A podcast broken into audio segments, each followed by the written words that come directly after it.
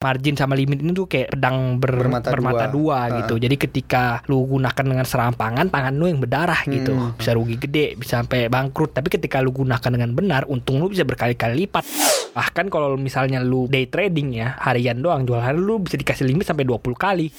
Take profit tuh emang menyenangkan gitu, tapi yang Iya, iya, mendewasakan itu cut loss. Paham Pantauan Saham Makin paham makin cuan. Hai Sobat Cuan Halo, Ketemu lagi bareng gua Daniel Wiguna Dan gua Tri Putra dari tim riset CNBC Indonesia. Dan seperti biasa ini adalah edisi rahasia ya yang gak rahasia-rahasia amat ya. Yang gak rahasia-rahasia amat Jayus Dan- lu diulang-ulang mulu. Ya supaya kesannya itu kayak menarik perhatian orang gitu Oke. kan Membuat mereka jantungnya berdebar-debar ketika mendengarkan ini Nah ini kita masih dalam segmen Paham Pantauan saham. Makin paham makin Cuan. Nah itu yang kita cari ya cuannya yang kita cari Hari ini kita bahas tentang IHSG yang tadi sempat crash 2,5% di awal pekan di hari Senin Dan udah sempat dibahas di sesi on air kita tadi di Instagram live cuap underscore cuan Kalau ternyata viewnya di sepanjang pekan ini memang masih gloomy Dan level-level yang perlu diperhatikan adalah supportnya di 6120-an eh, 6125 ya bro Iya, ya 6125. Dan eh, resistennya ada di level 6300 berapa bro? 6380 6375-an. Oke, 6375 sampai 6380. Kita lihat aja, tapi tentu kita berharap IHSG kita masih bisa nanjak begitu ya karena kalau kita lihat dari sisi nilai transaksi nih, Bro, jumlah nilai transaksi cuma 17 triliun. Tiba-tiba anjlok. Tiba-tiba anjlok. Ini yang tadi lu sempat jelasin bahwa ada transaksi margin dan juga limit yang perlu diperhatikan oleh sobat cuan juga Iya. gitu ya. Nah, ini gimana mendeteksinya Jadi, sebenarnya? jadi pertama kita bahas dulu dong transaksi limit, transaksi margin itu apa ya? Mm-mm. Jadi transaksi limit itu tuh sebenarnya itu seperti sekuritas ninjemin lu uang gitu. Mm-mm. Tapi dalam jangka pen- pendek. Mm-mm. Hanya dalam waktu dua hari lu harus balikin ke sekuritas gitu. Lu harus jual sahamnya gitu. Oke, dua hari. Dua hari aja. Mm-mm. Kalau selalu Itu yang limit kan? Itu yang tapi? limit. Kalau margin itu dikasih sampai 2 tahun. Wow. Lu boleh minjem sampai 2 tahun. Oh, gitu. Oke. Gitu. Nah, bedanya itu kalau limit itu lu bunganya lebih mahal Mm-mm. gitu bisa kena 0,1 persen 0,2 persenan 0,15 Per- persen per per hari iya Oh. kalau lu pakai margin itu bunganya sekitar 2 persen per bulan Oh, jauh tergantung lebih murah dong. masing-masing juga iya, jauh lebih murah dong nah Uh-uh. jadi ko- ini perlu diperhatikan tapi margin itu nggak semua saham apa limit itu nggak semua saham bisa sedangkan margin nggak semua saham bisa gitu Mm-mm. dan angkanya juga beda pengalinya juga beda Mm-mm. kalau lu margin biasanya cuma dikasih dua kali lipat dari aset lu doang. Mm-mm. Misalnya lu punya aset 100 juta, lu punya saham 100 juta, setelah dipotong haircut lu cuma bisa ngutang 100 juta lagi. Oke. Itu kalau limit lu bisa dikasih sampai lima kali limit. Oh, inilah yang bikin kenapa sobat cuan bisa berkali-kali lipat iya, bisa buynya bisa kali lipat. Bahkan kalau misalnya lu day trading ya, pakai harian doang jual hari lu bisa dikasih limit sampai 20 kali. 20 kali. Iya. Oh, yang ada tulisan di keterangan itu ya di iya, di biasanya ada aplikasi ada ada trading, RTL, tulisan. RTL trading limit gitu. Uh-uh. Biasanya bisa dicek dari situ. Uh-uh. 20 kali. 20 kali lipat dari modal lu gitu. Oke. Makanya gede banget gitu. Jadi tapi nggak bisa dipakai buat panjang, cuman bisa dibuat lu trading makanya li- trading limit gitu. Hmm. Kalau mau ninjem misal mau investasi agak panjang dikit ya pakai margin gitu. Oke, dengan tentunya alasan-alasan uh, Ya, yang masuk proyeksi akal, iya, fundamental proyeksi yang kuat, gitu-gitu ya. Dan kalau lu margin lu modal minimal lu 200 juta baru dikasih bikin account margin namanya. Oh, gitu. Iya, kalau lu limit mah lu uang 10 juta juga dikasih sama dia gitu. Oh, jadi kalau nggak 200 juta terus tiba-tiba dia bisa misalnya eh, akun dia 50 juta. Ya. Tapi waktu dia bertransaksi itu ternyata ada misalnya beli di salah satu saham yang bisa pakai margin Hmm? gitu. Itu udah bisa pakai dong. nggak bisa lu beli margin jadi kalau lu mau Oh, beli secara kalau otomatis memang nggak nggak bisa, ya? iya kalau misalnya lu mau beli pakai margin lu harus punya namanya account margin Hmm. nah be- beda sama account regular Iya. jadi lu misalnya lu punya account margin pun lu nggak boleh login pakai account regular lu beli pakai account regular tuh lu pindahin nggak bisa lu harus beli pakai account margin emang Mm-mm. gitu. Oh gitu. Jadi akunnya pun beda. Tapi berarti yang ada di akun reguler itu semuanya adalah limit Iya, berarti ya? semuanya ada limit. Oh gitu. Jadi nggak bisa nih akun reguler dapat fasilitas margin nggak bisa? Nggak bisa.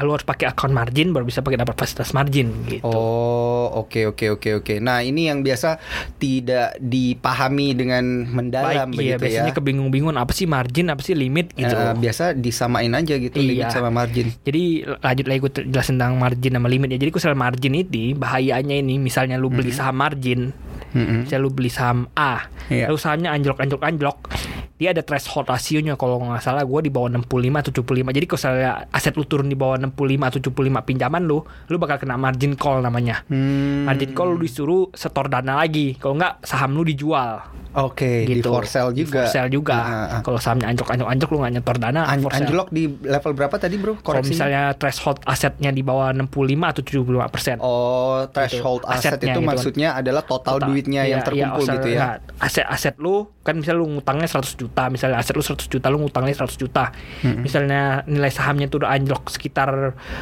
30-an persen, 40-an persen.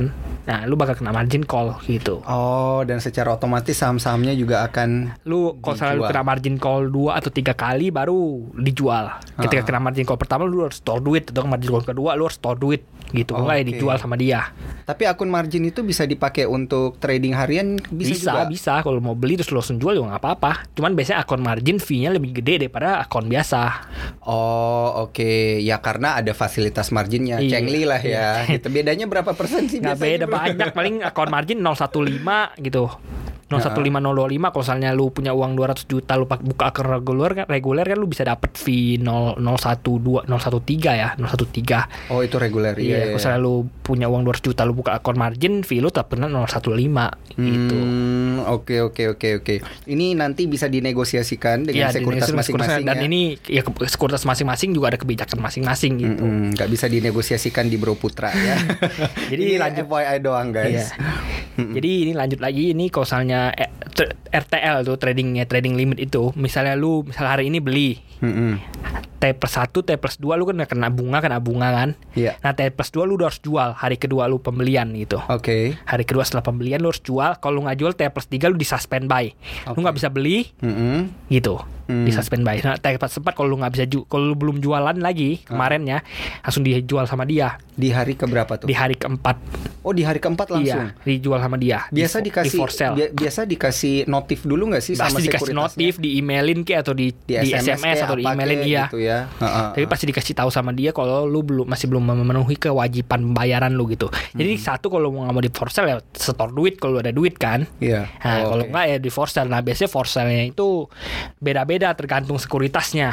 Hmm. Biasanya ada yang sekali open di for sale, ada yang penutupan sesi satu di for sale, ada yang penutupan sesi dua di for sale. Gitu, Oh, tergantung. dan selalu akan dijual di harga ARB gitu. Ya biasanya selalu dijual di harga ARB biar bisa langsung laku gitu. Tapi kalau lu jual di harga ARB ada antrian di atas ARB, Oh. Dia akan aja- langsung ke sana Ya, gitu ya. lu jualnya kan nggak di harga ARB, dia cuma pencetnya di harga ARB, cuma input order di harga ARB. Biar kalau misalnya ternyata harganya di open di ARB atau harganya HRB tetap laku gitu. Tapi misal Hmm. harganya 5000 lu dijual di di 4000 kan tetap laku di 5000 kan gitu. Kan best best price kan gitu. Hmm, Oke, ini gue coba recap sedikit deh. Kalau pakai fasilitas limit itu dan ternyata eh, limitnya ini tidak diinjek dana, Iya. gitu kan? Itu di hari keempat atau di hari di hari keempat ya akan langsung di for sale, begitu ya? Iya. Oke oke, bukan di hari kelima berarti Bukan ya di hari kelima, keempat. hari keempat. Nah di hari kelima ini baru kita bisa melihat efeknya gitu ya.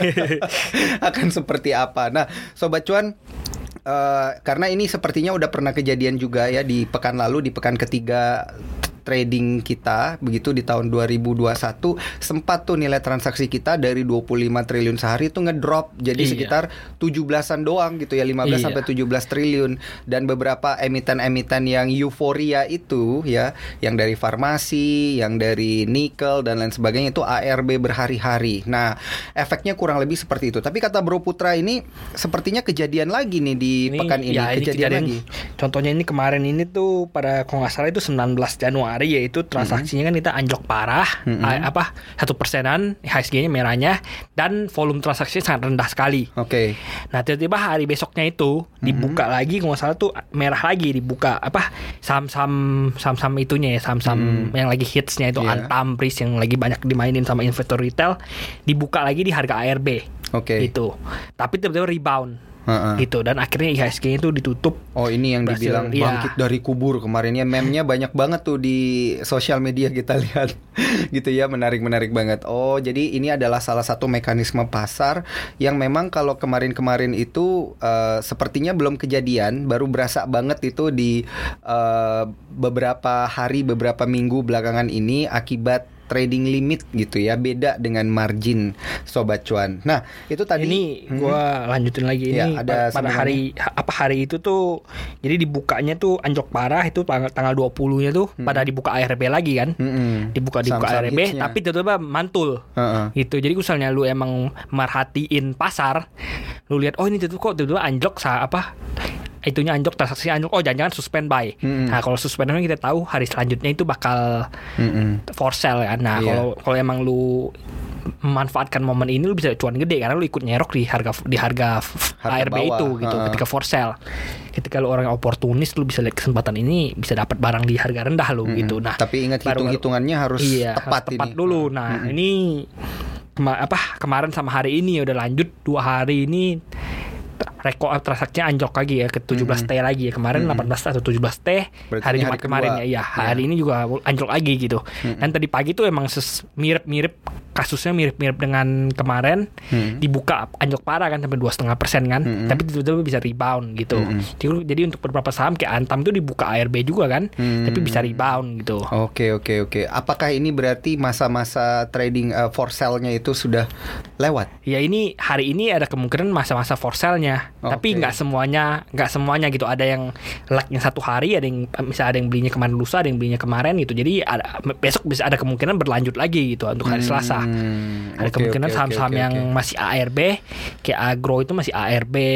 itu kemungkinan besok bisa dibuka ARB lagi gitu. Jadi Hmm. jika ada yang oportunis ingin memanfaatkan ya silakan gitu. Hmm, Tapi tetap hati-hati ya karena Iya, iya, ketika iya. dibuka ARB, dia lanjut ARB lu nggak bisa keluar gitu. Iya benar benar benar. Nah ini masih terkait mekanisme nih Bro Put. Kalau kita ngelihat eh, jumlah nilai cash kita gitu ya di aplikasi trading, itu kan kita kalau pakai marg- eh, trading limit kan dia jadi minus tuh Iya. gitu kan. Nah, syukur-syukur kalau dia jadi kalau dia sahamnya naik, jadi kita dapat capital gain dan Hmm. harus ke for sale berarti ke for sale-nya di level atas dong. Berarti kita profit. Ya sebenarnya kalau udah capital gain lu nggak usah tinggal jual aja ngapain Iya, sih bagi for sale gitu jual aja langsung. ya tungguin gitu supaya maksimal gitu kan ceritanya maruk kan. Oke, kejual di atas dia profit kan. Hmm. Nah, tapi kalau misal dia kejual di bawah, cashnya kan dia minus tuh. Hmm. Berarti dia harus injek dana. Mau nggak mau dia harus injek dana berutang sama si sekuritas Gini, berarti. jadi kalau misalnya lu mau pakai TL, lu tuh udah harus ada jaminan dulu Mm-mm. dalam bentuk uang atau saham. Mm-mm. Gitu. Misalnya lu punya saham A gitu. Jadi misalnya lu punya saham A, saham A-nya itu di ya ini ada namanya haircut. Jadi Uh-uh. sa- se- kalau saham lu semakin bagus, haircutnya makin rendah Oke. gitu. Contohnya BCA itu haircutnya cuma 5%. Artinya kalau lu punya 100 juta BCA, lu bisa jaminin senilai 95 juta. Oke. gitu BNI, BCA, BMRI, BBRI saham-saham blue chip blue chip tuh biasanya haircutnya cuma 5% tapi kalau saham-saham yang kaleng-kaleng ya nggak ada yang nggak ada nilai gorengan haircutnya 0% jadi lu nggak bisa jaminin sama sekali gitu. Jadi kalau lu beli itu saham ya udah lu beli pakai uang lu nggak bisa jaminin saham nggak bisa dapat limit lagi. Gitu. Oh, jadi inilah privilege dari saham-saham blue chip. Iya saham-saham blue Iya. chip ya bisa lu bisa lu apa namanya itu berarti lu- bisa lu agunin ya berarti Iya, nama iya, sebutannya iya, bisa iya, agunin bisa bisa agunin Bisa lagi buat dilimitkan. iya, dilimitkan diagunkan gitu. Nah jadi kalau misalnya lu akhirnya lu di misalnya lu udah ngutang pakai BCA misalnya kan lu beli saham nggak jelas terus saham nggak jelas anjlok-anjlok dijual tapi masih masih rugi biasanya dipotong eh, apa dijual lagi di for sale lagi dari saham-saham blue chip lu saham-saham Yang lain iya, ya, saham-saham dari lain iya. yang lain. pokoknya sampai udah nol gitu Hmm. Biasanya itu tergantung sekuritas masing-masing juga ya. Biasanya ada sekuritas yang ngejualnya saham yang udah untung. Yang di for sale saham yang udah untung. Misalnya lu beli Antam. Mm-mm. Tapi Antamnya rugi rugi rugi. Terus lu ada saham lain misalnya BCA udah cuan gede. Kan? Bisa biasa bisa jadi yang dijual yang di for sale tuh BCA-nya gitu Hmm, Oke. tapi kalau misalnya lu full cash full cash apa menggunakan cash misalnya lu masukin 100 juta lu gunakan antamnya lagi buat beli antam biasanya yang kena antam gitu yang kasusnya yang sering kasusnya itu oke. sekarang gitu Hmm. jadi dia, dia punya uang cash gede dimasukin cashnya di satu saham misalnya beli antam misalnya antam kan ada margin 50-an persen ya udah dipakai 60-an persen kalau Iya, nggak salah. iya 60 persen lu beli antamnya, antamnya beli lagi yang lagi digunain iya, 60%. 60 persen Ha-ha. lagi dapat bonus buat antamnya lagi gitu. Heeh. Oh gitu. Dikaliin limit lagi ya tentunya misalnya lu bisa nego limit gede, bisa lagi bisa dapat lebih gede lagi ngutangnya Wow, gitu. iya, nah, iya, itu yang iya. jadi kacau udah kayak Ha. gitu, yang kena for sale udah pasti antam gitu. Karena nggak ada saham-saham lain. Nah, kalaupun ada saham-saham lain tergantung juga kebijakan sekuritas. Biasanya ada yang emang nge-for sale saham yang lu beli, ada yang nge-for sale saham yang paling untung gitu. Tergantung kebijakan sekuritasnya for sale yang mana gitu. Hmm, pernah nggak sih ada kasus gara-gara pakai trading limit terus dia jadi rugi parah dia harus dia sampai berutang bener-bener sama sekuritasnya Iya, harus pernah ada bayar kasus ke kayak gitu. Iya, ada kasus kayak gitu. Ini baru udah tahun 2017 atau tahun berapa ya? Waktu itu tuh ada kasus kayak gitu. Dia beli saham, akhirnya sampai dia berhutang sama mandirinya, akhirnya dituntut sama mandiri sekuritasnya gitu berapa M. Oh, ini udah tersebar di Iya. publik juga ya kasusnya iya, ya. kasus udah tersebar di Nah, apalagi pas kam- jem- zaman kemarin di apa? Kemarin pas corona itu itu kan ARB ARB ARB terus tuh. Hmm. Itu banyak yang kena margin call. Oh, margin call oke. sampai benar-benar benar-benar rugi, benar-benar sekuritasnya akhirnya rugi kan. Berarti kalau saya udah anjlok gitu kan sekuritasnya rugi kan. Yang rugi, iya, iya. lu udah for sale semua tetap masih rugi. Ha-ha. Biasanya ditagih gitu. Tapi ada aja nasabah-nasabah nakal yang kabur akhirnya gitu. Tapi kalau Wow. sampai gede yang minta ampun pasti dikejar sama sekuritas. Wow, iya karena unexpected banget itu dan itu juga belum ada peraturan eh, koreksi jadi 7%, circuit breaker kita juga masih belum eh, jadi 5%. Waktu itu kan eh, IHSG kita koreksinya di berapa? 10%. Itu 10% ya? dan 10%, dari opening. Dari Iya. misalnya EQ 45 dibuka minus 5 jadi minus 15 kayak gitu. gitu. Waduh, itu berasa banget. Pantesan banyak yang keangkat, banyak yang udah pakai akun margin pun ya main aman, tetap aja Iya. kena karena nggak bisa nahan kekuatan Iya, udah kena margin pasar. call nggak kuat itu sampai waktu itu tuh kacau banget waktu itu jadi banyak sekuritas-sekuritas yang yang pusing juga ngurusin Iya, hal iya, ini iya. karena mau jual juga nggak bisa jualan Iya. gitu Sampai sekarang berarti masih banyak gitu ya orang-orang yang terkena margin call masih berutang. Iya, bahkan tuh biasanya tuh gara-gara gara- ada efek dominonya Heeh. gitu. Contohnya kayak hari ini tuh misalnya orang-orang pakai limit, pakai limit, kan akhirnya nggak mampu bayar sama ARB, ARB nggak mampu bayar. Heeh. Terus karena dia kena for sale, sahamnya lanjut anjlok dong kan. Mm, Nah, lanjut anjlok anjlok anjlok yang kena margin call juga jadi kekurangan dananya kan gitu. Iya. Jadi jadi thresholdnya turun, aset thresholdnya turun, terpaksa kena for sale juga gitu. Jadi akhirnya domino efek, akhirnya tumbangnya berhari-hari gitu. Waduh, itu sekuritasnya bisa bangkrut. Udah banyak nggak sih sekuritas bangkrut? dulu Maret itu kejadiannya kayak gitu sampai domino efek tapi nggak nggak sampai bikin sekuritas bangkrut karena biasanya kalau sekuritas sekuritas kecil takut juga mau ngasih margin gede-gede gitu Oh, jadi mereka juga akan menanggung resiko. Jadi Iya, mereka biasanya- mi- mitigasi. biasanya sekuritas itu cuma boleh ngasih margin segede MKBD-nya gitu Oh, modal kerja bersih oke, yang disesuaikannya itu cuma, Iya, bisa, iya, cuma iya, boleh iya. ngasih senilai itu doang gitu nggak boleh Iya, lebih fair untuk melindungi melindungi masalah likuiditas gitu Iya, ya, masalah perutangan yang terjadi di dunia persahaman. Oke, sobat cuan itu tadi tentang trading limit dan juga margin ya hampir semuanya udah udah semua nggak sih Iya, bro? itu Udah semua ya, gua bahas udah semua itu. dibahas dan Jadi- ada lagi nih yang plus plusnya. Jadi yang harus dibahas ini apakah bijak lu gunain ini Ah, ah, senjata ini. ini. Iya, fase ini berarti yang selanjutnya akan gue bahas itu. Bijak Ah, ah. gak sih kira-kira lu pakai limit, pakai Ah, ah. pakai margin gitu karena kita tahu kan seperti tadi gue bilang ini tuh margin sama limit ini tuh kayak pedang ber- Bermata bermata, dua. dua, Ah, gitu. Jadi ketika lu gunakan dengan serampangan tangan lu yang berdarah gitu. Hmm, hmm, hmm. Tangan lu Kena berdarah sendiri kena batunya. sendiri gitu. Ah. Bisa rugi gede, bisa sampai bangkrut. Iya. Tapi ketika lu gunakan dengan benar, untung lu bisa berkali-kali lipat gitu. Hmm. Gue kasih contoh ya, misalnya lu beli saham A, Hmm. lu cuma punya uang sat- 100 juta misalnya, Mhm. kan? Lu beli saham A. Hmm. Saham A itu arah kan 25%. Wah, Lu tajir belinya langsung. Iya, lu belinya kalau lu belinya cuman pakai 100 juta lu, Mhm. lu cuma cuman untung 25% kan? Mhm. Tapi kalau pakai limit, misalnya limit lu dua kali lipat, Ya, berarti lu beli 50%. 200 juta jadi 50%, jadi Iya. untungnya gede gitu. Heeh. Tapi sebaliknya juga ketika anjlok ARB ARB ARB lu juga Begitu kali juga, dua gitu iya. iya.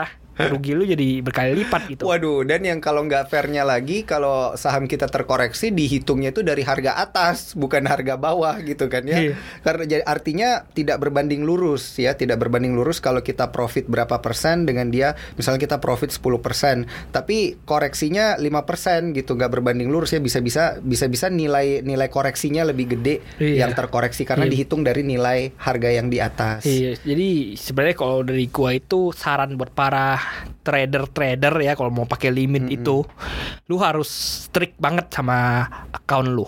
Jadi strict ketika emang udah kena batas cut loss lu, sebenarnya gua nggak melarang penggunaan limit gitu karena ini sangat beneficial banget bagi trader gitu. Misalnya modal lu kecil lu bisa gedein modal lu dari tra- trading limit ini. Tapi lu harus strict banget. Ketika lu masuk kan gua harus selalu bilang ada trading plan-nya, lu mau trading lu harus ada trading plan. Satu syarat syaratnya harus strict banget. Ketika lu udah kena cut loss, lu cut loss aja lu nggak usah pikir aduh rugi banyak harus tahan nih masih mungkin lusa bisa bounce back atau besok bisa bounce back jangan kayak gitu. Kalau lu pakai limit apalagi jangan kayak gitu. Karena lu sangat bahaya sekali bisa kena for sell. Ketika lu udah kena batas cut loss lu lu cut loss aja. Nggak usah takut rugi. Next time bisa untung kembali gitu. Oke, jadi benar-benar harus sesuai dengan plannya Iya. dan supaya nggak apa ya namanya ya berkepanjangan begitu ya Iya, kondisi ber- koreksi dan kerugiannya. Dan lu ingat kalau misalnya lu pakai trading limit, lu simpen, Ha. besok itu lu harus bayar bunga dan bunganya nggak kecil, 0,1 ada yang 0,15 persen gitu. Lumayan, Itu lu iya. cukup cukup lumayan gede gitu. Ah, ah, ah. Kalau dua hari jadi 0,3 Hmm. Empat ha- tiga hari udah maksimal kan tiga hari kan? iya tiga hari empat hari berarti maksimalnya Hmm, kan. maksimal nah lu kali aja empat kali 0,15 udah kena berapa itu minusnya kan? Cuman buat bayar bunga aja gitu. Hmm. Belum lagi kalau lu rugi lu kena force sale, aduh benar-benar parah banget. Jadi satu lu harus benar-benar strict ketika f- Strict kena ya. dengan trading plan Iya. gitu ya. Kalau ketika cut loss lu kena jual, ketika take profit lu kena jangan lu tahan-tahan, bisa aja balik Langsung. arah jual juga gitu. Ketika take profit kena jual. Nah, begitulah trader sejati. Ya, Iya. ini kayaknya Bro Putra udah banyak kali terkena cut loss nih kayaknya. Bercanda ya, Itu Bro ya. Ini apa- karena kayak asam garamnya udah banyak Tapi banget emang waktu ngomong cut yang- loss tuh kayak uh yang gimana gitu. apa take profit tuh emang menyenangkan gitu tapi yang Iya, iya, mendewasakan itu cut loss Oke, gitu oke, jadi oke. kalau lu nggak sering-sering cut loss lu nggak bakal bisa jadi trader yang jago Waduh, amit-amit ya moga-moga nggak banyak-banyak cut loss guys. Ya, makanya lu nggak jago-jago lu. Jangan dipikir, itu. jangan dipikir eh, harus cut loss banyak dulu baru jadi jago. Iya, Ya jangan. Cut lossnya jangan. maksud gua sering bukan banyak gitu. Iya, Ketika iya, sering misalnya lu trading satu lot satu lot kan juga Cut cut, loss juga. cut loss juga Iya, gitu. iya, Lu- iya. Apa Untuk belajar frekuensinya ya. banyak iya untuk belajar gitu. Lu harus belajar merelakan gitu. Mm. Jangan belajar tapi, merelakan. Uduh, sering kehilangan dong lo ya. Tapi lu Oke, oke, oke. jangan gara-gara lu main satu lot jadi berani cut loss kali main gede nggak berani cut loss. Biasa orang kayak gitu. itu juga nggak berbanding lurus Iya. guys gitu ya. Harus konsisten cut loss lu gitu. Oke, dan gue tahu di satu kesimpulannya mungkin gak apa-apa pakai trading limit atau margin asalkan profit. Bercanda Gampang ya, banget bercanda gitu ya. ya. Gampang banget kesannya ya. Kali eh, siapa yang bisa nebak kita nggak bisa nebak ya saham itu geraknya seperti apa. Karena tentu eh, keputusan investasi kembali lagi ke tangan anda guys. Kebijakannya juga dan resikonya itu ada di tangan para sobat cuan. Nah ini Iya. terkait dengan limit dan margin ada lagi nggak nih Selanjutnya gue mau rahasia-rahasia? bala- bahas ya tentang margin ya. Mm-mm. Kok biasanya kalau ya kalau orang-orang udah pakai margin, orang-orang udah ngerti lah tentang dunia permarginan karena nominalnya kan harus gede ya 200 Iya, juta gitu. iya. Kalau investor angkatan corona biasanya belum belum ada um, margin account gitu. Ah. Biasanya mereka main limit. Makanya akhirnya kena for sale for sale tuh gara-gara investor-investor yang masih newbie, masih pemula, hajar-hajar saham, HK namanya HK limit, HK. akhirnya for sale gitu. gitu Tapi kalau untuk margin sih biasanya orang-orang udah lebih mengerti ya. Biasanya kalau memang lu mau margin lu harus perhitungin bunganya berarti kan. Hmm. Rata-rata itu biasanya 2% per bulan. Lu benar-benar harus perkirain apakah benar ini saham bisa kasih lu return sampai 14% tahun ini. di di iya ya Iya. karena dikali Karena kita tahu marginnya 2%, 2% gitu. iya. Nah dan lu harus ingat lagi satu apa saham itu tuh di HSG itu pergerakannya itu setahunan nggak nyampe 14% per tahun secara rata-rata. Mm-mm. Jadi lu harus benar-benar yakin apakah ada sentimen ini, sentimen itu di saham ini gitu. Harus benar-benar yakin dulu, baru lu boleh masuk gunakan margin. Oke. Gitu. Kalau nggak masuk, kemungkinan besar lu kalahnya itu gede banget. karena dari bunganya itu sangat gede 14% kurang lebih ya untuk beberapa account sekuritas itu biasanya 2% per bulan. Iya oke oke. Kalau dari tadi ini kita bahas tentang ngeri ngerinya pakai limit dan margin, yang lu dengerin selama ini pernah nggak sih banyak nggak sih yang juga sukses gara-gara pakai margin? banyak yang pasti sukses pakai margin nah sekali lagi dari gue bilang itu biasanya kalau lu day trade itu Mm-mm. lu dikasih modal apa margin sampai 20 kali Mhm. Kasih limit sampai 20 kali bukan margin ya margin biasanya cet- tetap dua kali nggak bisa Tetap, mhm. susah diubah-ubahnya kalau margin sampai 20 kali lu bayangin lu punya uang 10 juta lu bisa tradingin sampai 200 juta berarti kan Mm-mm. tergantung haircut juga dan lain-lain lainnya Iya. kita tahu ya. Tapi ya marginnya berarti apa limitnya gede banget. Jadi kalau lu strict sama trading plan lu dan trading plan lu membuat apa memang positif wi- win rate lu positif gitu artinya lu lebih banyak menang daripada lebih banyak kalah itu untung lu bisa berkali-kali lipat gitu. Hmm, banyak oke, banyak oke. yang trading trader trader yang pakai limit gitu. Modalnya modalnya emang udah gede tapi di, di, dilimitin lagi jadi makin gede. Dan banyak dari mereka yang sukses kayak gini gitu. Hmm, tapi kalau udah sukses mereka diem nggak mau cerita Iya. gitu ya. Biasanya- bi- kalau biasanya- loss baru biasanya- diumbar di mana-mana di sosial media juga ya. Hampir semua orang ngeliat gimana eh, apa namanya kondisi eh, kenyangkutan dan koreksinya. Nah, tapi, Tapi ternyata ini- yang sukses juga ada lah Iya, ya. sukses juga baik tapi gue selalu gue kan dulu lama ya di sekuritasnya dan gue tahu betul 80% 80 sampai 90% trader itu rugi Pakai limit. nggak nggak pakai limit trading trader apa aja dan biasanya kalau mereka udah trader biasanya pakai limit pasti jarang Oke. banget trader yang pakai duit doang gitu Mm. dan la- 80% sampai 90% rugi Oke. gitu tapi ya kadang-kadang ya emang kalau rugi kan jarang diumbar sebenarnya ya Iya. jadi nggak ada yang tahu gitu kalau lucuan aja lu pamer-pamer di sosmed Ah, gitu ah, ah. tapi mayoritas dari mereka itu merugi makanya Warren Buffett tuh selalu apa Warren Buffett yang bilang tuh siapa tuh dia bilang pasar modal adalah instrumen untuk memindahkan uang, dari yang sabar, dari yang sabar oh, eh, yang nggak sabar, yang ke sabar yang ke yang sabar, iya Ah, ah. yang aktif bukan yang nggak Iya, oh, sabar yang aktif, ya. yang trading trading mulu yang tukang trading ah. ke yang sabar gitu Oh, oke oke oke oke. Esensinya ada di sana ya karena memang sepertinya berarti pasar saham itu diciptakan untuk satu Orang jangka sabar, gitu iya. ya.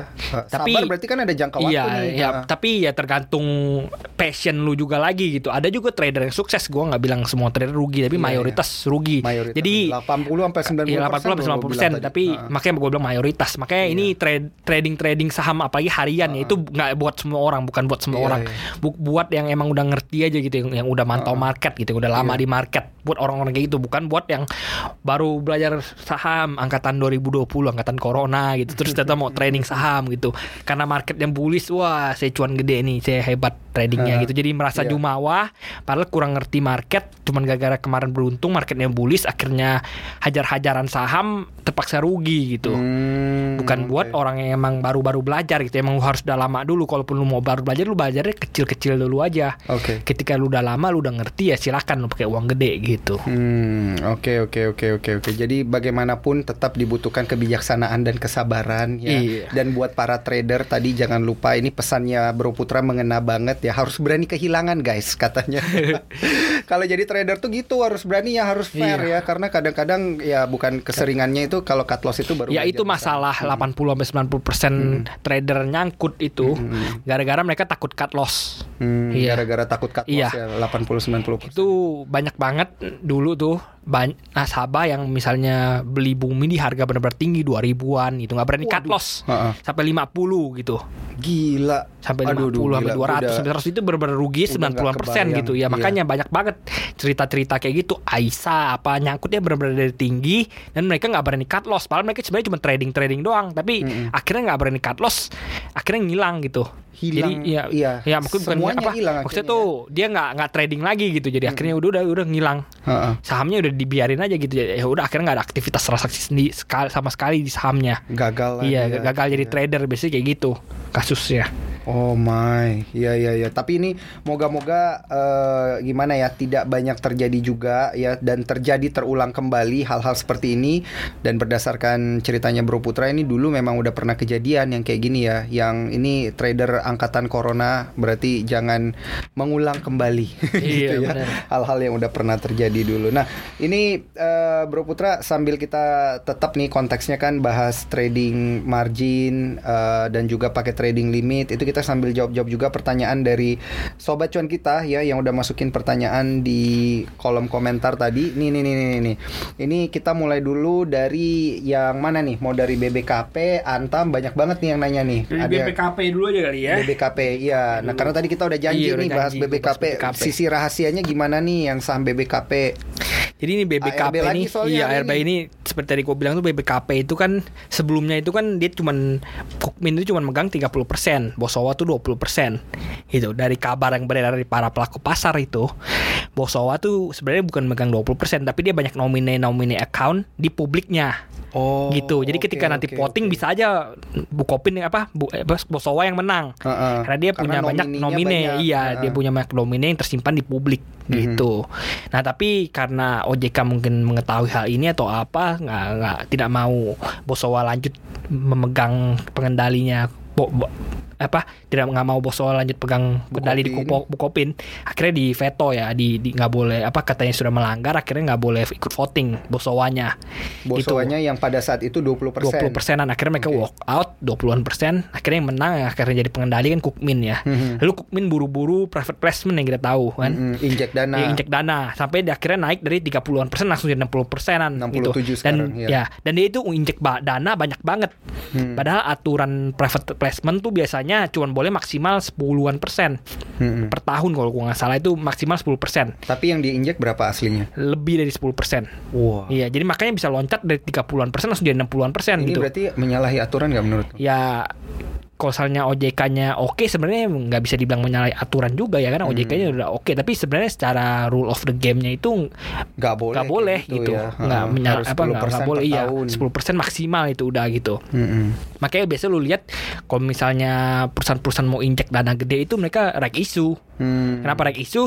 Lu punya orang-orang lain punya kesempatan buat injek dana juga. iya. iya. Contohnya misalnya kemarin si bos Bukopin nggak nggak private placement kan Bosowa juga bisa masuk suntik dana juga gitu. Jadi Bosowa Iya, iya, punya nggak terdilusi gitu. Iya benar. Nah, jadi akhirnya masalahnya gini, jadi akhirnya karena ini bos apa bo, Bukopin apa namanya Kukmin buru-buru private placement gede, akhirnya Bosowa terdilusi udah mereka akhirnya nuntut gitu. Oh, Dan kemarin oke. itu baru-baru ini katanya di- dimenangkan ya tuntutannya baru dimenangkan tuntutannya masih masih jalannya masih panjang ya kita tahu masih belum inkrah ini. Mm-mm. Tapi kemungkinan Bosowa kemungkinan susah lah menang gitu. Hmm, Karena, karena apa tuh? Karena ya emang OJK udah nggak ngasih lampu lampu hijau ya susah lu mau Oh, gimana aja gitu. Di persidangan terakhir kan OJK kalah tuh katanya. Ya itu tadi masih belum inkrah itunya. Oh. Dan itu juga baru persidangan awal doang gitu. Ah, ah, ah. baru persidangan awal Iya. katanya OJK minta banding lagi iya, karena kan OJK jalannya itu- masih panjang banget Iya. ini. Jadi OJK itu ya sobat cuan dia menuntut supaya Bosowa itu tidak menjadi saham pengendali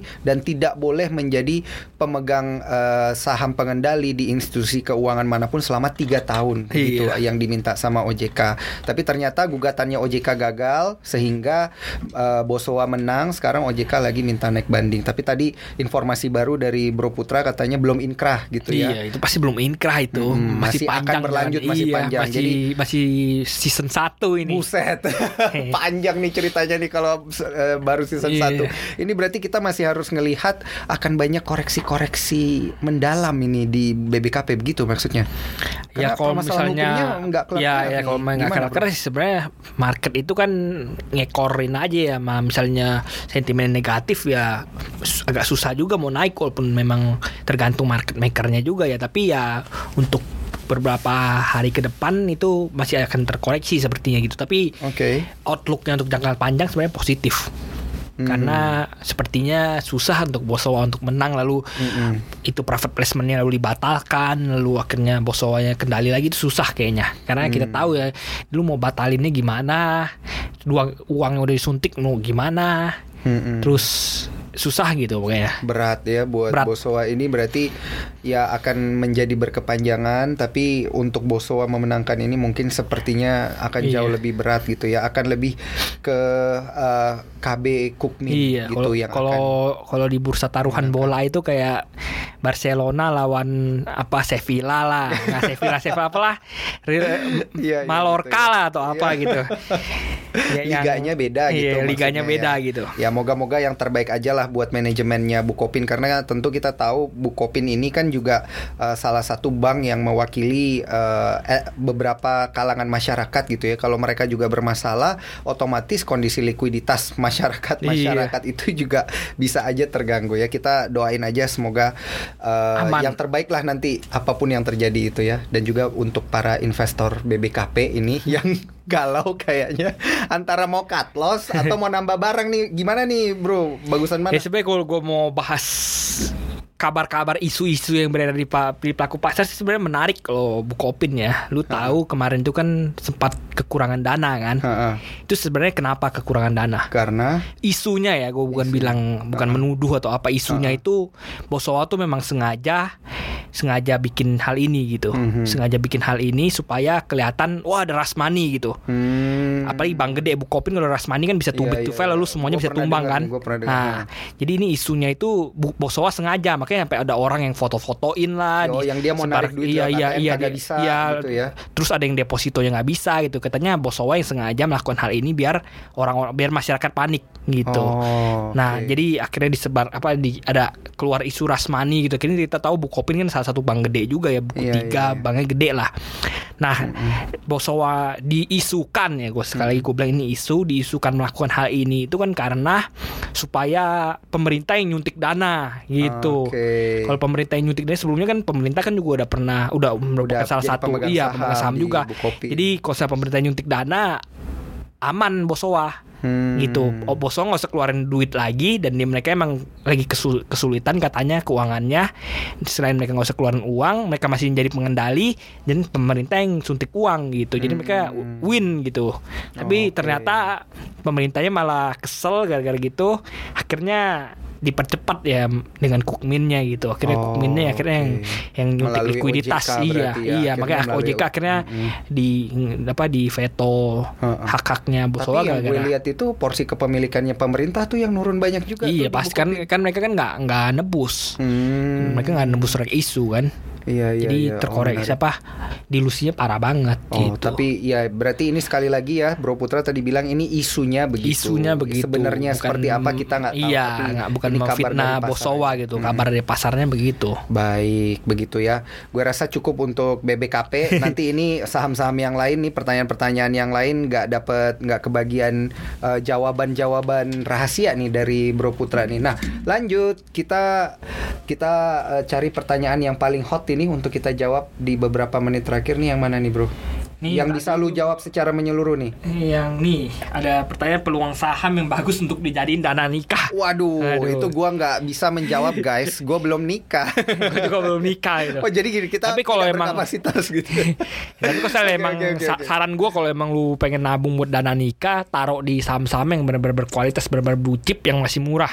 Dan memang banyak sih banyak banget saham-saham blue chip yang murah yang potensi naiknya tinggi. Contohnya. BNI itu masih murah, Ha-ha. Astra juga sejatinya masih murah gitu. Mm-mm. Tapi ingat Saham-saham blue harus chip, iya. in- investor ya, Dan jadi lu- investor. Iya, jadi investor, jangka panjang gitu. Jangan sampai lu nggak jadi nikah gara-gara lu mas main gorengan gitu. Aduh, amit amit. Jadi dan satu lagi lu juga, gue juga nggak tahu nggak dibilang nikahnya mau kapan ya gitu. Hmm. Tapi karena ini masih murah dalam 2-3 tahun ke depan prospek terbangnya saham-saham blue chip yang masih murah ini sangat gede sekali dalam 2-3 tahun ke depan gitu. Jadi nabung aja di Iya, sana nabung ya. aja. Jadi- koreksi tambah. Iya koreksi ada tambah, iya ada tambah. tambah. gajian tambah gitu. Ah, Jadi bener- nabung niscaya lebih untung daripada lu nabung deposito Hmm. gitu. Karena kita memang sekarang masih masih lagi masih murah banget saham-sahamnya. yang blue chip Yang ya. blue chip itu jadi dalam 3 4 5 tahun ke depan itu bakal lebih murah, bakal lebih untung daripada lu deposito ataupun obligasi atau sebagainya Hmm. gitu.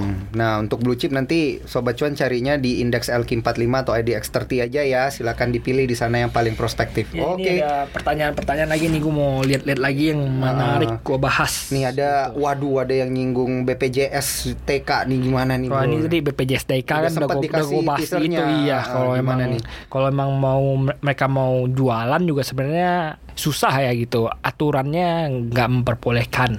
Hmm. Seperti tadi gue bilang karena kalau lu mau jualan, lu posisi floating loss, lu merugikan negara. Iya. Gitu kalau merugikan negara bisa dibilang korupsi gitu. Apalagi saham-saham BPJS TK ini kayak di Pegas itu tuh average-nya lumayan tinggi ya kalau lu coba hitung average harian dari awal BPJS TK masuk itu tuh lumayan tinggi. Gitu masih apalagi sekarang Pegas itu masih mur- masih anjlok parah soal harganya masih terkoreksi agak parah ya dibanding saham-saham yang lain tentunya. Oke oke Ya, oke. lanjut oke. nih. Tapi moga-moga moga-moga bukan itu yang menjadi trigger IHSG kita bisa terkoreksi parah ya. Moga-moga enggak karena tadi Bro Putra udah bilang untuk BPJS itu saham-saham pemerintah itu nggak bisa di cut loss. Iya. Ya. Oke oke.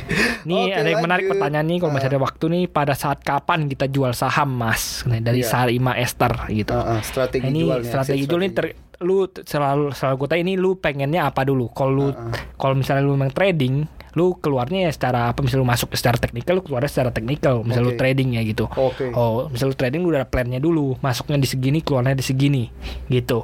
Kalau misalnya lu emang investor lu berarti lu kalau misalnya lu investor emang mentalnya nabung lu ketika lu nabung saham lu kapan tarik Hmm, ketika- Misalnya lu nabung uang, nabung uang, lu Butuh. kapan tarik? Ketika, Ketika butuh, butuh. gitu ya ya. Lu Heeh. sama kalau lu nabung saham, ketika lu butuh aja lu tarik gitu. Hmm. Nah, jadi ya tapi jangan besok kita mau beli HP langsung butuh langsung tarik habis gitu. jangan kayak gitu juga.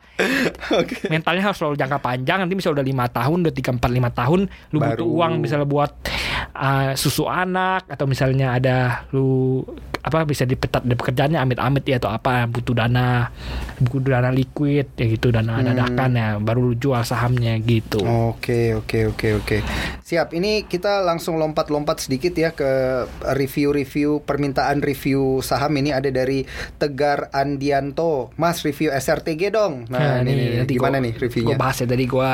Ini ada pertanyaan yang menarik dulu ya nih. Heeh. Dari Ginanjar Prat insecure dengan sama investor lain yang modalnya puluhan juta dah. Ini saran dari gua itu kalau besarkanlah dana lu berarti Enggak. ya enggak ya enggak gitu saran dari gua tuh lu jangan jangan insecure kenapa? Karena semakin sebenarnya se- dana lu semakin gede lu semakin susah ngelolanya. Oke. Gitu. Gue juga Dana- iya. kadang-kadang ngerasa insecure bro. Gua gua dana kelolaan gua Nge, ratusan lu, juta kalau lu mah miliaran. Alhamdulillah amin, amin. Amin. Oke oke. Terus nggak perlu minder ya nggak Iya, perlu belum minder satu karena semakin besar ya gunungnya semakin tinggi, anginnya semakin banyak gitu. Oke. Lu kalau ada lu risikonya. Kalau darah lu udah gede lu nggak bisa masuk saham-saham kecil lagi. Sedangkan saham-saham kecil yang bagus sebenarnya masih banyak gitu. Oke. Tapi kalau saham lu masuk saham-saham kecil biasanya langsung harganya langsung naik atau terbang gitu. Hah. Makanya Warren Buffett pernah bilang kalau kalau nilai uang lu di bawah segini, di bawah satu miliar dolar atau berapa, harusnya lu punya gain yang sangat gede sekali bisa sampai puluhan, 40, 40, 50 kali. Karena lu masih bisa manfaatin saham-saham kecil. Hmm. Kalau misalnya Berkshire Hathaway masuk ke saham A atau B atau C, kan pasti masuknya kan gede nominalnya kan. Hmm, nggak bisa Langsung beli nggak saham bisa beli saham. Iya, nggak langsung terbang nanti sahamnya. Iya, iya, lu iya. jadi nggak bisa ngoleksi Iya gitu. iya iya benar benar. Kedua itu tuh yang penting itu gainnya berapa persen gainnya. Percuma kalau lu masuknya 100 juta, lu gainnya cuma 0,1 persen, 0,1 persen. Misalnya lu satu 100 m lah, gainnya 0,1 persen di saham. Ya paling cuma berapa berapa jutaan doang kan berarti kan. Mendingan lu up depositoin atau apa walaupun kelihatannya nominalnya gede kan. Berapa ratus juta misalnya lu masuknya 100 m gitu kan. Misalnya lu 0,001 cuannya. Hmm, bisa bisa gitu. nominalnya sih gede ratusan juta. Tapi kan sebenarnya kecil karena cuma 0,0 berapa persen kan. Mending lu depositoin atau apa gitu. Oke, nah sedangkan oke, kalau lu cua satu juta aja lu bisa cuan 20 persen 15 persen itu udah lumayan udah keren gitu. Oke gitu ya triknya. Jadi tidak perlu Tidak perlu berkecil hati insecure, tidak iya. perlu insecure guys. Karena setiap dana setiap dana itu punya peluangnya Iya, masing-masing peluangnya lah ya. masing-masing. dan lu ngutip Om gue banyak banget hari ini udah tiga atau empat kali Iya. lu ngutip om gue. gue laporin lu nanti Iya, ya. Oke oke. Jadi eh, teman-teman Saratoga belum jawab. Oh iya, Saratoga, Saratoga Teman-teman ya. ada satu Tadi nih, ada pagi satu nih nih- kita diingetin. SRTG gimana? itunya utangnya Kan lu nulis kan, lu iya. nulis tadi tadi pagi pagi. itu gue udah Ah. nulis tentang Saratoga itu tuh terbang itu gara-gara dia ikut beli SPAC Apa itu? Nah, jadi gue jelasin SPAC itu kayak perusahaan cek kosong. Oke. Jadi ada ada Providen, ada Providen Group. Ini Ah, ah. terafiliasi dengan Saratoga. Mm-mm. Di, dia itu tuh beli apa?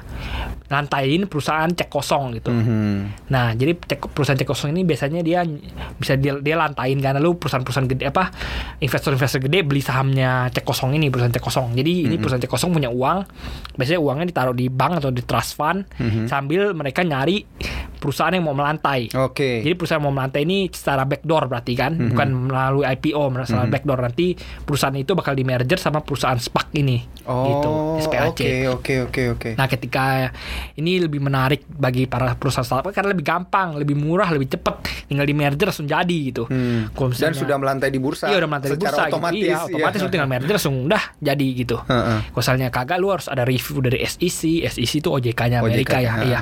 Harus ada review, harus, harus ada apa minimal harus keluar dana gede, macam-macam, lama lagi gitu. Jadi lebih cepat kalau apa jadi perusahaan-perusahaan startup tuh lebih tertarik, gak cuma startup ya, banyak perusahaan lebih tertarik kalau mau melantai langsung merger aja cari SPAC aja langsung di mergerin gitu. Hmm, sama perusahaan-perusahaan yang sudah Iya, melantai Jadi gitu ya. kemarin seminggu sepekan terakhir ini Saratoga naik tinggi ya karena investor nih berspekulasi bahwa SPAC-nya nanti akan bisa lantaikan perusahaan berkualitas. Hmm. Karena Saratoganya menjadi investor di SPAC tersebut. Oh, dan nilai investasinya juga gede banget gitu, Bro. Lumayan gede itu S- Saratoga beli sekitar satu juta saham sedangkan ini apa total dana yang dikumpulkan oleh SPAC ini tuh 230 juta US dollar. Hmm, 230 juta US dollar berarti dengan asumsi ini startup atau perusahaan-perusahaan lain itu mau mau apa ngumpulin dana 10% berarti dia bisa melantaikan perusahaan dengan valuasi up to 2,3 bio. Hmm, Gitu. Wow. Jadi ini perusahaannya tergolong gede gitu 2,3 Iya iya iya iya iya.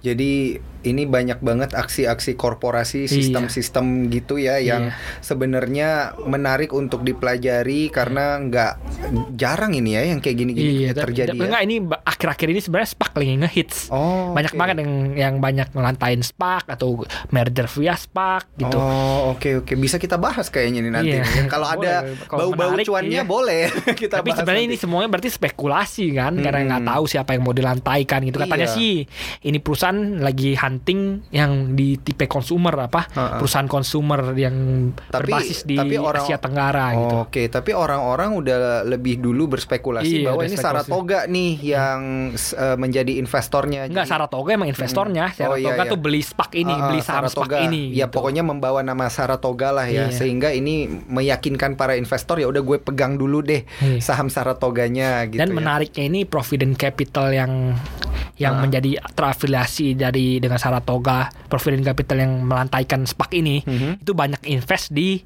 saham-saham startup juga. Oh. Traveloka itu dia ada invest di sana. Oke. Lalu di mana lagi GDID ya kalau gue nggak salah. Lalu di apa banyak lumayan banyak Iya. perusahaan-perusahaan ini udah udah ada gue tulis itu tadi pagi. Iya, iya. Coba Nanti dicek sana cari itu di iya. CNBC Indonesia. Itu apa investi-investinya sa- apa Provident Capital tuh apa aja gitu. Salah satu Iya, gue iya, ingat tuh iya, Traveloka gitu. Wah ini bisa kita bahas panjang nih ya Apalagi Iya. lu udah bahas startup tadi kan Waduh jadi bisa panjang lebar Tapi sayang banget Sobat Cuan waktunya tong, waktu sudah udah habis. Gitu ya. Sampai jumpa Sobat Cuan di Paham episode-episode selanjutnya. Tentu masih sama Bro Putra Tapi nggak tahu sama gue atau eh, Kak Alin atau sama Maria. Nanti kita lihat ya. Tapi Bro Putranya masih ada di sini. Dia akan jadi penunggu Siap. untuk program Paham. Pantauan saham. Makin paham makin Cuan. Jangan lupa follow kita di Spotify Cuap Cuap Cuan di Apple Podcast dan juga Google Podcast. Jangan lupa juga follow kita di Instagram at cuap underscore cuan. Dan jangan lupa nonton kita nih. Ini program baru kita dari Cuap Cuap Cuan. Nonton Cuap Cuap Cuan ha- tiap hari Jumat di program Invest Time gitu ya di rentang dari jam 6 sampai jam 7. Udah pantengin aja nanti di sana ya. Oke, see you sobat cuan. Bye-bye. Bye.